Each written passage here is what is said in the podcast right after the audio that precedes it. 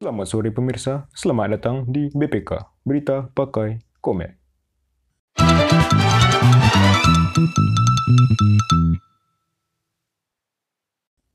Berita kali ini berasal dari CNN Indonesia. Polemik stiker WhatsApp mengandung pornografi. Jakarta, CNN Indonesia. Stiker yang mengandung unsur pornografi pada aplikasi WhatsApp disebut berpotensi melanggar UU ITE. Namun, untuk mengkategorikan stiker yang berbau pornografi tersebut masih belum jelas tolak ukurnya. Masalahnya, mana konten yang dianggap melanggar kesusilaan dan mana yang biasa saja. Ini akan bergantung pada tafsir pornografi yang menyangkut gambar atau video.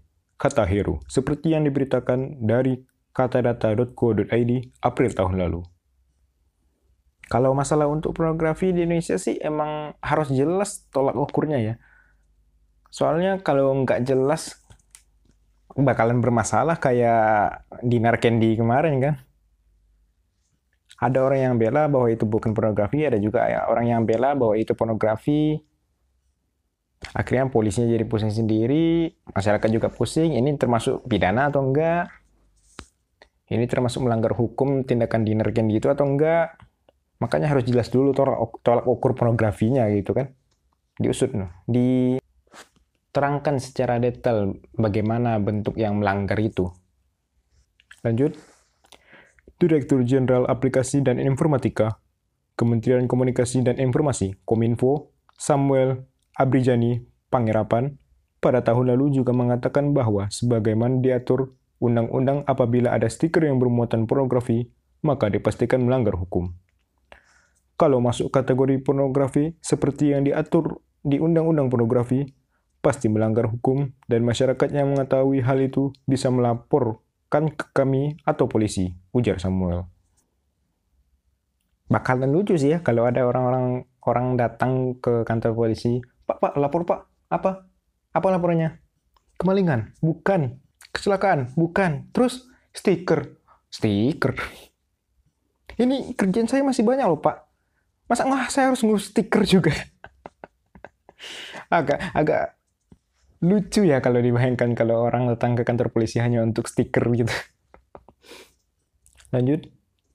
Kalau dalam pasal 1 Undang-Undang Nomor 44 Tahun 2008, pornografi adalah gambar, sketsa, ilustrasi, foto, tulisan, suara, bunyi, gambar bergerak, animasi, kartun, percakapan, gerak tubuh, atau bentuk pesan lainnya melalui berbagai bentuk media komunikasi dan atau pertunjukan di muka umum yang memuat kecabulan atau eksploitasi seksual yang melanggar norma dan kesusilaan dalam masyarakat.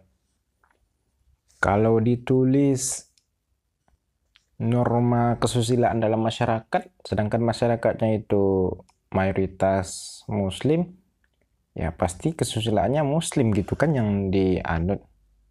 Iya kan? Kayak gitu kan? Tapi ya, ada banyak kasus orang yang berbuat berbuat asusila di kos anak kuliahan biasanya terus di terus digerebek bukan bukan di kos sih kalau digerebek masyarakat itu biasanya dikontrakan. Digerebek sama masyarakat terus malah diarak uh, dalam keadaan telanjang. Ini masyarakatnya harusnya kena juga nggak sih seharusnya masyarakatnya kan itu mempertontonkan masyarakatnya itu. Dia mengarak orang telanjang gitu kan. Seharusnya masyarakat seperti itu tuh kena kena hukum juga dong. Karena kan mereka memper, mempertontonkan gitu kan. Dan juga ada unsur pemaksaan gitu kan dari orang yang tergerebek. Udahlah, kalau mau gerebek itu yang baik-baik aja lah, yang sopan, yang santai-santai aja lah. Jangan yang bikin orang jadi kena sakit mental gitu kan. Bisa-bisa jadi bunuh diri itu orang. Kalau kayak digituin. Iya sih yang dilakukan oleh para anak muda ini salah gitu kan. Melanggar kesusilaan dalam masyarakat melanggar norma kesusilaan dalam masyarakat. Iya sih mereka melanggar. Tapi kan hanya karena mereka berbuat salah itu bukan berarti orang yang merasa benar ini bisa melakukan apa pun pada mereka yang salah gitu kan. Jangan mentang kamu udah salah, udah diam aja kamu. saya yang benar di sini. Terserah terserah saya mau ngapain aja ke kamu. Kamu itu salah. Enggak enggak kayak gitu dong. Enggak kayak gitu.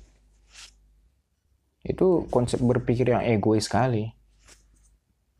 Hanya mau menang sendiri dia lagi punya kalau orang salah dikasih tahu yang benernya kayak apa bukan dihukum dulu dikasih tahu dulu yang benarnya itu kayak apa ditenangin biarkan pihak berwajib yang melakukan tugasnya bukan langsung dieksekusi di tempat, bukan langsung dihukum di tempat.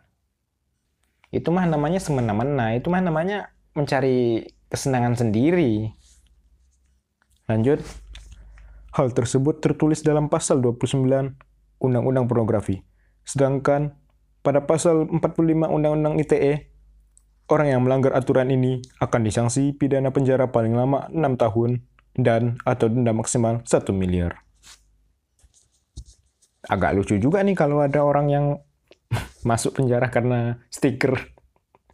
Masuk penjara gitu kan. Orang lain karena sabu, pembunuhan, perampokan. Pasti ditanya, Mas, kena, kenapa mas? Pornografi mas?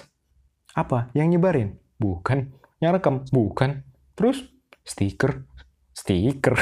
Stiker apa mas? Stiker W. Stiker W. Yang kecil-kecil itu mas. Iya. Udah nggak usah temenin lah. Aneh. Malah dijauhin di penjara. Nggak dapat temen. Lanjut. Sedangkan pelanggar undang-undang pornografi bisa mendapat sanksi pidana penjara paling cepat 6 bulan sampai dengan 12 tahun atau dan atau denda minimal 250 juta dan maksimal 6 miliar. Hei, hei, hei, hei. Kalau ada orang masuk penjara karena stiker sampai 12 tahun, itu dari di mana perbandingan keadilannya stiker sama orang yang korupsi 30-an miliar cuman dua sama 12 tahun. Aduh. Hei, hei. Orang lain 12 tahun di penjara karena 30 miliar yang dikorupsinya. Ini ada orang yang masuk penjara karena stiker 12 tahun. Nggak sebanding nggak sebanding. Buat buat stiker WhatsApp itu nggak dapat duit loh. Nggak ada. Cuman cuman orang hobi iseng aja. Cuman orang nggak ada kerjaan aja yang buat stiker pornografi itu. Itu orang nggak ada kerjaan. Sedangkan ini orang yang korupsi dua tiga puluhan miliar 12 tahun penjara. Setara sama yang pornografi. Aduh tolong dong ini hukumnya yang masuk di akal lah. Setidaknya yang korupsi itu dihukum lebih lama lah gitu kan. 30 miliar loh cuma 12 tahun. Itu setara kayak orang yang nyebarin stiker beberapa kali nggak bisa dibandingkan 30 M sama yang nyebarin stiker beberapa kali. Nggak nggak sebanding nggak sebanding. Nggak balance hukumnya. Harusnya yang korupsi 30 miliar apalagi di masa pandemi ini harusnya dihukum lebih berat lagi. Kan kan ketua KPK pernah bilang orang yang korupsi di masa sulit contohnya pandemi kayak gini hukum, hukuman maksimalnya mati. Kok malah cuma 12 tahun? Hei ketua KPK hei anda Juliari Juliari Batubara.